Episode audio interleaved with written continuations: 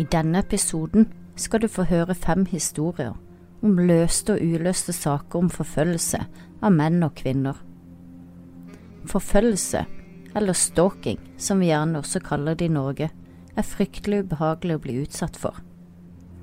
Forfølgelse er når noen gir deg uønska oppmerksomhet, enten via brev, telefon, internett eller ved fysisk forfølgelse. Kvinner er mer utsatt for stalking enn menn, og omtrent én av seks kvinner opplever å bli forfulgt en eller annen gang i livet. I de fleste tilfeller så vet man ikke hvem forfølgeren er, noe som gjør frykten enda større da man hele tiden ser seg over skulderen, og plutselig er alle under mistanke. Selv har jeg opplevd å bli stalket, og når det foregår over lang tid, og vedkommende ikke gir seg, så skaper det en ekstremt ubehagelig følelse, og man blir rett og slett redd og paranoid. Jeg er sikker på at samtlige personer i disse historiene kjente på nettopp disse følelsene, og mens noen fikk slutt på terroren, levde andre i årevis, uvitende om hvem som fulgte med dem.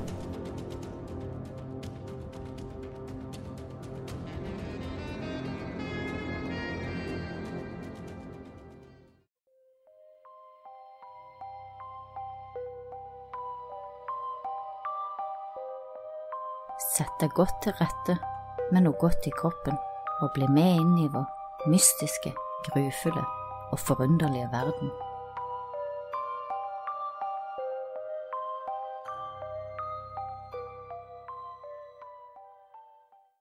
En britisk politiker ved navn Trevor Silverwood arbeider som en lokal rådgiver i sin hjemby Bridlington i Yorkshire, England.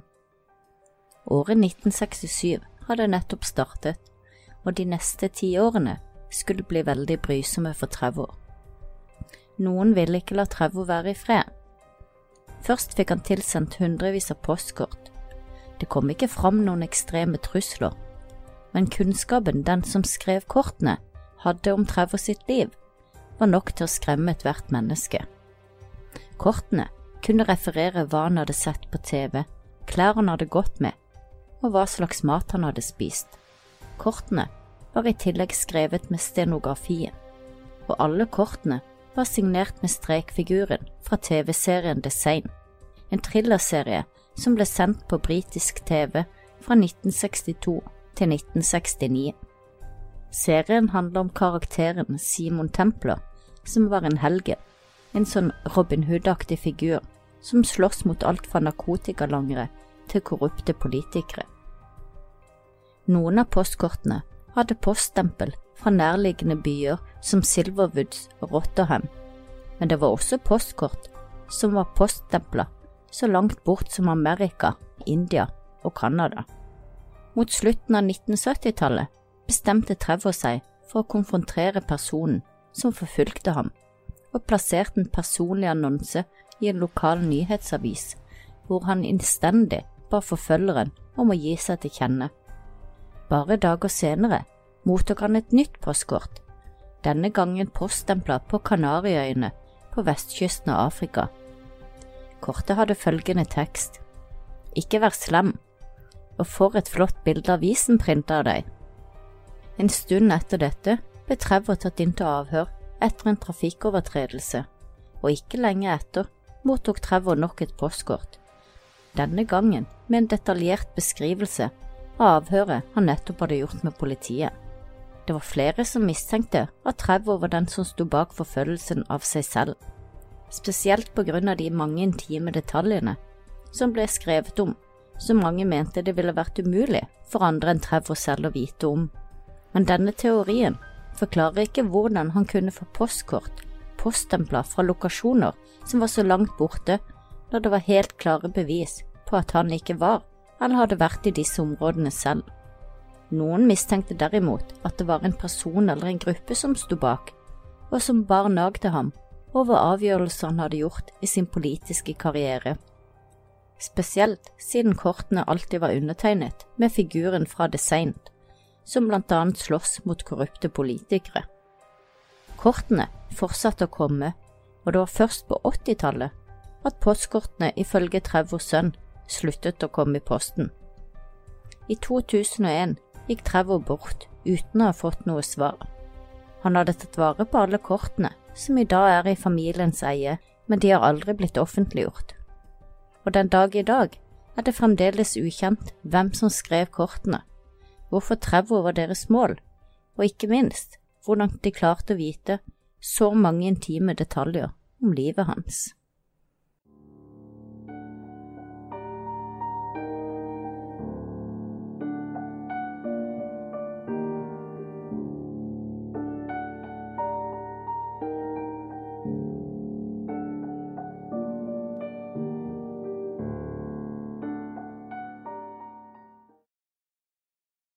Dorothy Jane Scott var 28 år gammel i 1978 da hun ble mor for første gang til en nydelig liten gutt. Fire år senere var hun alenemamma, og hun og sønnen bodde i Anaheim i California. Venner og kolleger beskrev henne som en stille, reservert kvinne som sjeldent var ute i sosiale sammenhenger. Ikke brukte hun narkotika, og det var sjeldent at hun drakk alkohol. Hun arbeidet som sekretær for en liten bedrift som hadde tilhold rett over gaten for Disneyland. Hennes far var tidligere eier av denne bedriften, men hadde solgt seg ut like etter at han ble bestefar. På starten av 1980-tallet begynte Dorothy å få anonyme telefonsamtaler på arbeid som opplevdes som truende. Innringeren kunne fortelle detaljer om hennes daglige rutiner som indikerte at han fulgte nøye med på henne. Noen ganger var han sint og skremmende i telefonen. En gang så sa han, når jeg får deg alene, så skal jeg kutte deg opp i biter slik at du aldri blir funnet. Mens andre ganger kunne han oppføre seg vennlig og med godt humør. Månedene gikk, og telefonoppringningene ga seg ikke. Dorothy begynte på selvforsvarskurs og vurderte også å kjøpe seg en pistol, men hun bestemte seg for å ikke gjøre det, av frykt for at sønnen kunne finne det og skade seg. Innringeren ga seg aldri til kjenne ved navn, men Dorothy hadde sagt at stemmen føltes på en måte kjent ut for henne, uten at hun kunne plassere den på en bestemt person. En kveld i mai skulle Dorothy på personalmøte på kvelden, og slapp sin sønn av hos besteforeldrene slik at de kunne passe ham. Under personalmøtet ble hennes kollega Konrad Bostron skikkelig dårlig og hadde et utslett på armen som spredde seg oppover. Dorothy insisterte på å frakte ham til sykehuset, og en annen kollega, Pam, ble også med på turen. På vei mot sykehuset stanset Dorothy innom foreldrene en kjapp tur for å sjekke på sønnen. Hun fortalte foreldrene at hun var på vei til sykehuset med en kollega, og av uante grunner byttet hun ut det sorte skjerfet hun gikk med, til et rødt skjerf. Deretter forlot hun foreldrene og kjørte videre til sykehuset. Da de ankom akutten, ble Pam og Dorothy ventende på gangen mens Konrad fikk behandling av legene. De kunne fastslå at Konrad hadde blitt bitt av edderkoppen Den sorte enke, og etter behandlingen kunne han reise hjem med reseptbelagt medisin som han henta ut på sykehusets apotek. Pam ble med Konrad inn på apoteket, mens Dorothy gikk for å kjøre bilen fram til hovedinngangen. Pam og Konrad brukte rundt fem minutter på apoteket og gikk ut for å vente på bilen. Da ser de Dorothys bil kjøre forbi dem i høy hastighet. Fjernlysene var skrudd på, og kombinert med den høye farten var det umulig for dem å se hvem som var inne i bilen. Pam og Konrad tenkte at en nødsituasjon måtte ha oppstått, som antageligvis hadde med sønnen hennes å gjøre. Pam og Konrad ble derfor stående og vente. I den tiden var det ikke mobiltelefoner, så man gjorde seg opp en tanke og handlet ut ifra den. Timene gikk, men Dorothy kom ikke tilbake. Til slutt fikk Pam tak i telefonnummeret til Dorothys foreldre, Vera og Jacob, og ringte dem. Foreldrene sa at de ikke hadde sett Dorothy siden hun slapp av sønnen sin hos dem før personalmøtet. Vera og Jacob ringte straks til politiet og meldte sin datter savnet. Flere timer senere fant politiet i Santa Ana Dorothy sin bil brennende i en sidegate ca. 16 km fra sykehuset. Bilen hadde ikke krasjet eller vært i en ulykke, og det var heller ingen tegn til Dorothy, verken inni eller i nærheten av bilen. En uke etter at Dorothy forsvant, mottok moren hennes en telefonsamtale. En mannsstemme spurte henne om hun var i familie med Dorothy. Da hun svarte ja, sa vedkommende i andre enden jeg har henne, og så la han på. Faren til Dorothy tok kontakt med en lokal nyhetsstasjon i håp om at de ville hjelpe til å publisere historien, i håp om å få noen tips fra publikum. Allerede uken etter publiserte avisen en stor artikkel om Dorothy. Dagen etter at artikkelen kom ut, mottok redaktøren i avisen en telefonsamtale på kontoret sitt. En mannsstemme sa, Jeg drepte henne, jeg drepte Dorothy Scott. Hun var mitt livs kjærlighet, men jeg tok henne i å være utro med en annen mann. Hun nektet for at hun hadde noen andre, så jeg drepte henne. I tillegg oppga vedkommende detaljer som ennå ikke hadde blitt offentliggjort, som for eksempel hvorfor hun var på sykehuset den kvelden. Vedkommende hadde hevdet at Dorothy hadde ringt ham fra sykehuset den kvelden, men kollegaen hennes Pam, som var med på sykehuset, sa at den eneste gangen hun ikke var med Dorothy på sykehuset, var da hun hadde vært en kjapp tur på do, og mente dermed at Dorothy ikke kunne ha ringt til noen derifra.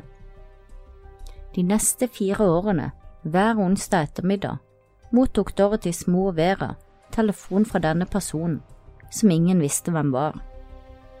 Noen ganger spurte han etter Dorothy, mens andre ganger hevdet han å ha drept henne, eller han var kort og sa bare jeg har henne. På den tiden kunne det til enda 10–20 minutter spore en samtale, om de i det hele tatt klarte å spore den. Men innringeren var aldri så lenge på linja, så politiet hadde ingen mulighet til å fange innringeren på den måten. Men så endret mønsteret seg. Plutselig, sent en kveld i april 1984, ringte vedkommende, og denne gangen var det Jacob som svarte, Dorothys pappa. Og etter dette opphørte også de faste ukentlige onsdagssamtalene å komme. Sluttet han å ringe fordi han trodde Vera hadde flyttet bort, siden dette var første gang Jakob tok telefonen når han ringte, eller kjente han Jakob og var redd for at han kunne gjenkjenne stemmen hans. I august samme året fant en gravearbeider nord i Anaheim bein i jorda mens han gjorde en jobb, og kontaktet umiddelbart politiet. Beinrestene viste seg å tilhøre et dyr, men i nærheten, begravd under skjelettet til en hund, ble det funnet rester av et menneske, og etter noen dager kunne politiet med sikkerhet si at levningene tilhørte Dorothy Scott.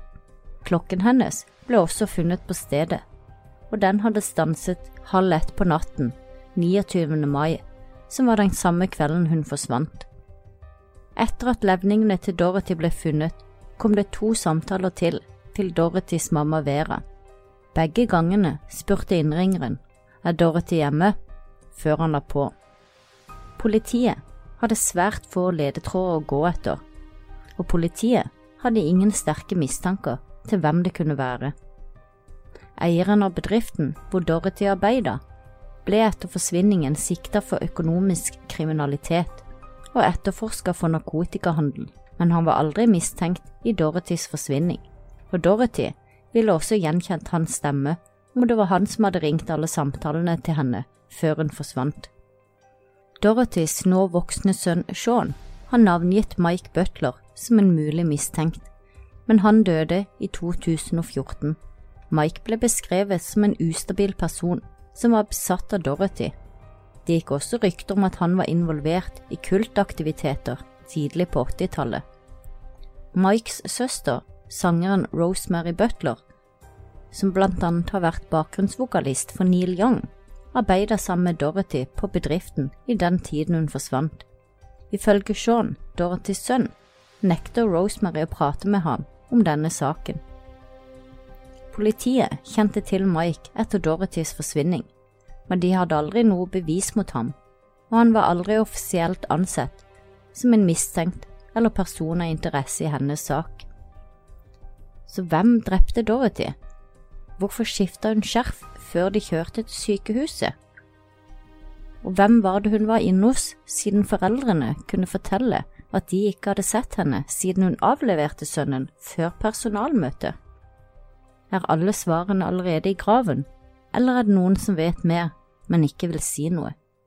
Kanskje blir denne saken uløst for alltid, men for sønnen Sean skyld håper jeg han en dag får svar på hvem som tok fra ham moren som liten gutt.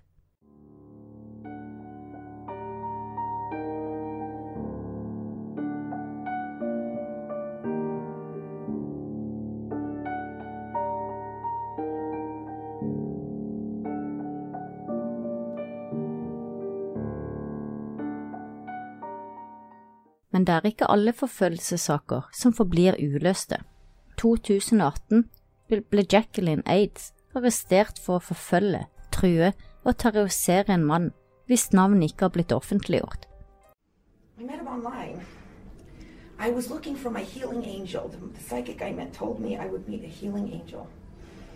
So I I was in Utah, Mount Zion, looking for my healing angel. And I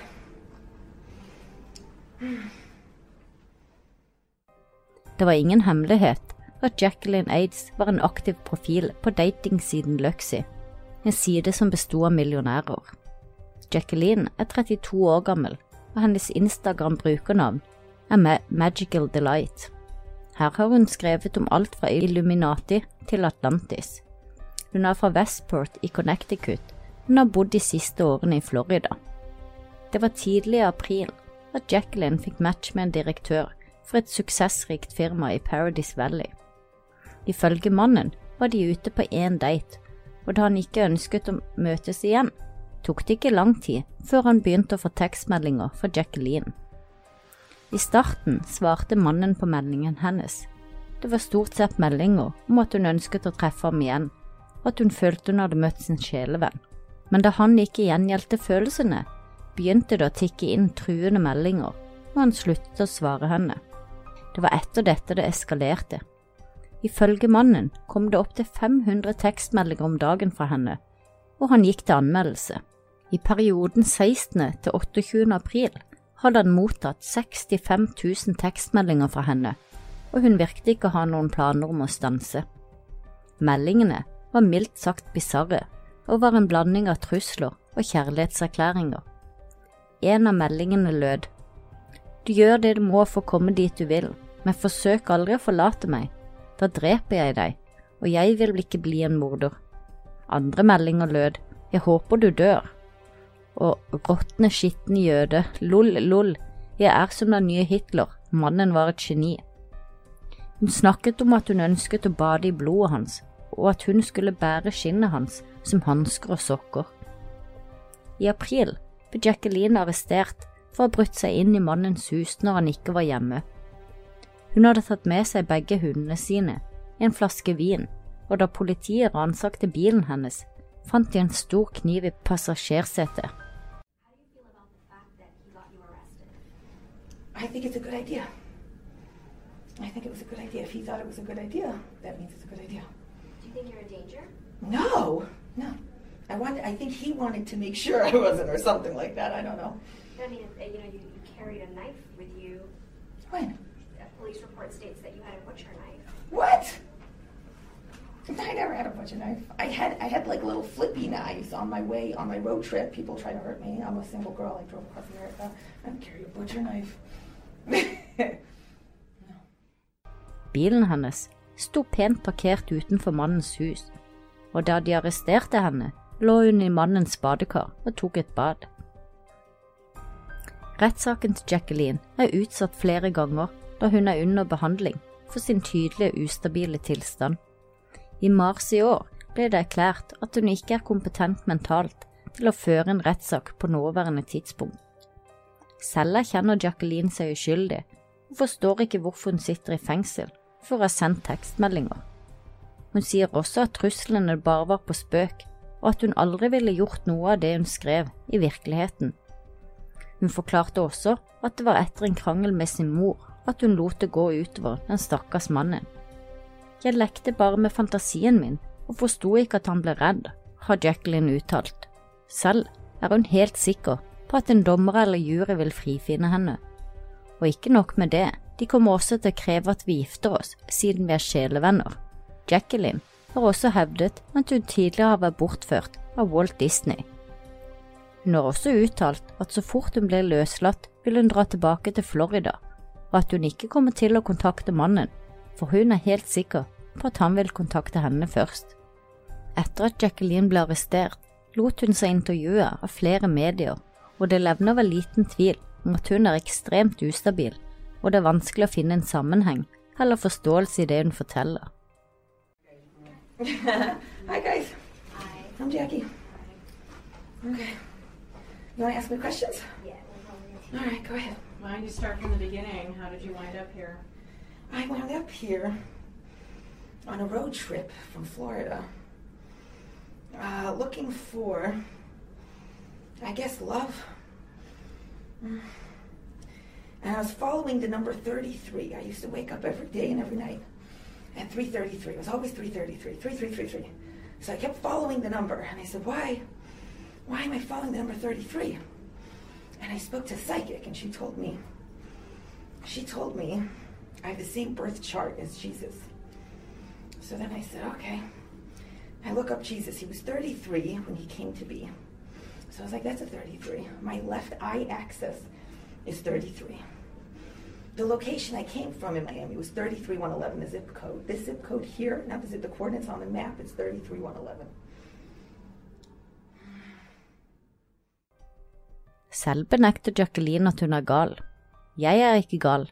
Jeg er personen som oppdaget kjærligheten.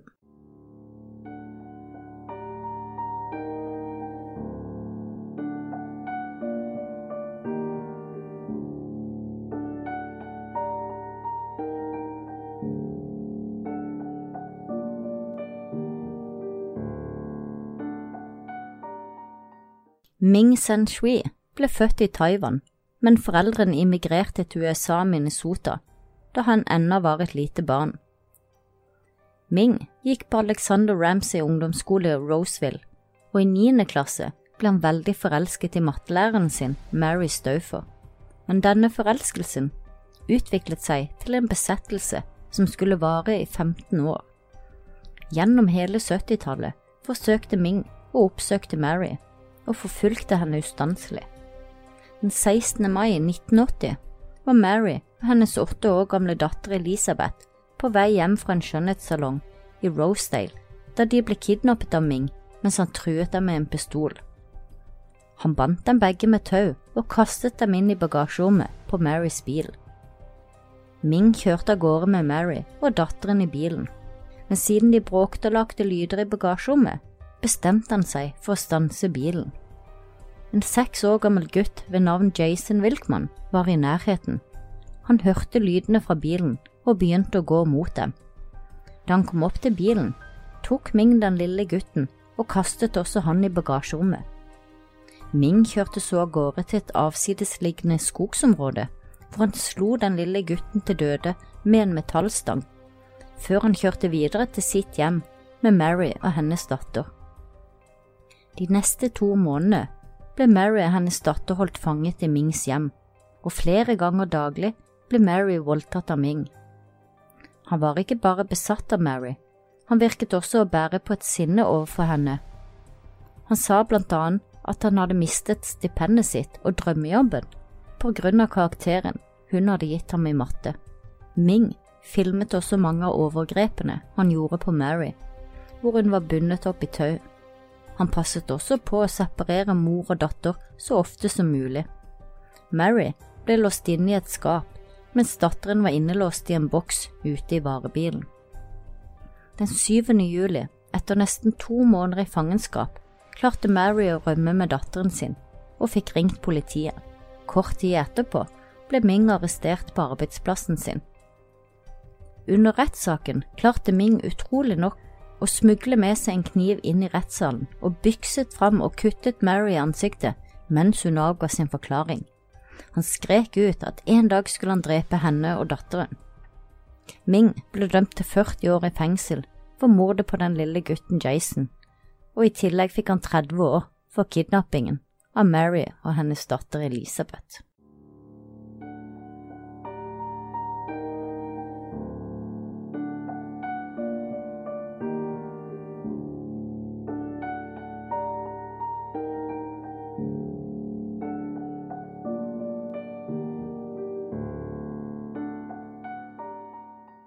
I 1984 arbeidet den 35 år gamle Richard Farley i firmaet ESL, Elektromagnetisk Systemlab, i Sunnyvale, California, da den 22 år gamle Laura Black ble ansatt i samme firma.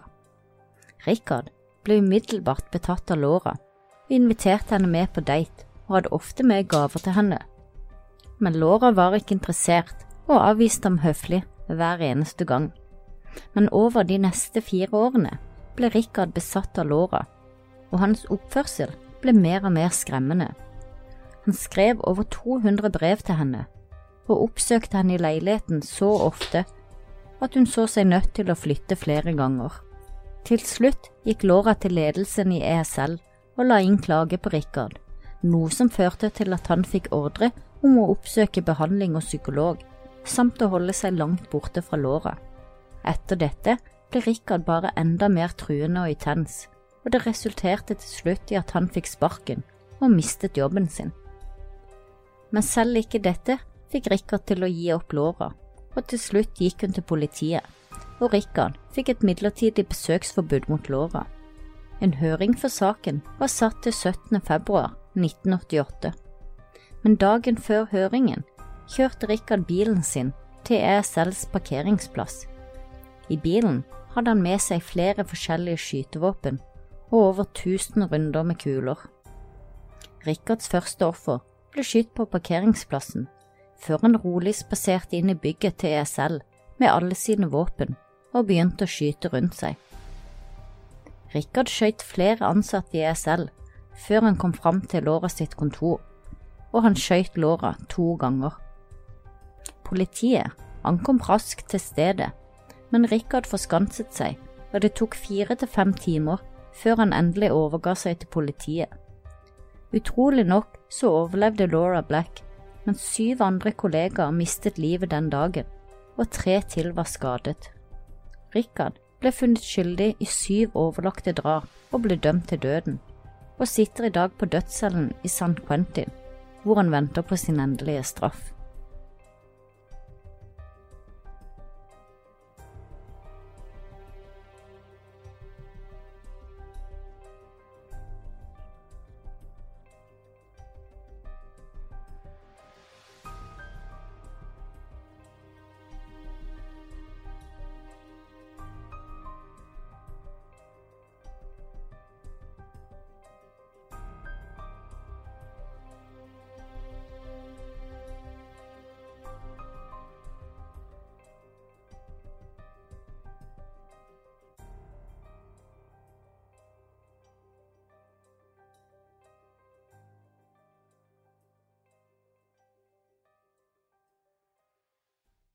Har du et enkeltpersonforetak eller en liten bedrift? Da er du sikkert lei av å høre meg snakke om hvor enkelt det er med kvitteringer og bilag i fiken, så vi eh, gir oss her, vi. Fordi vi liker enkelt. Fiken superenkelt regnskap.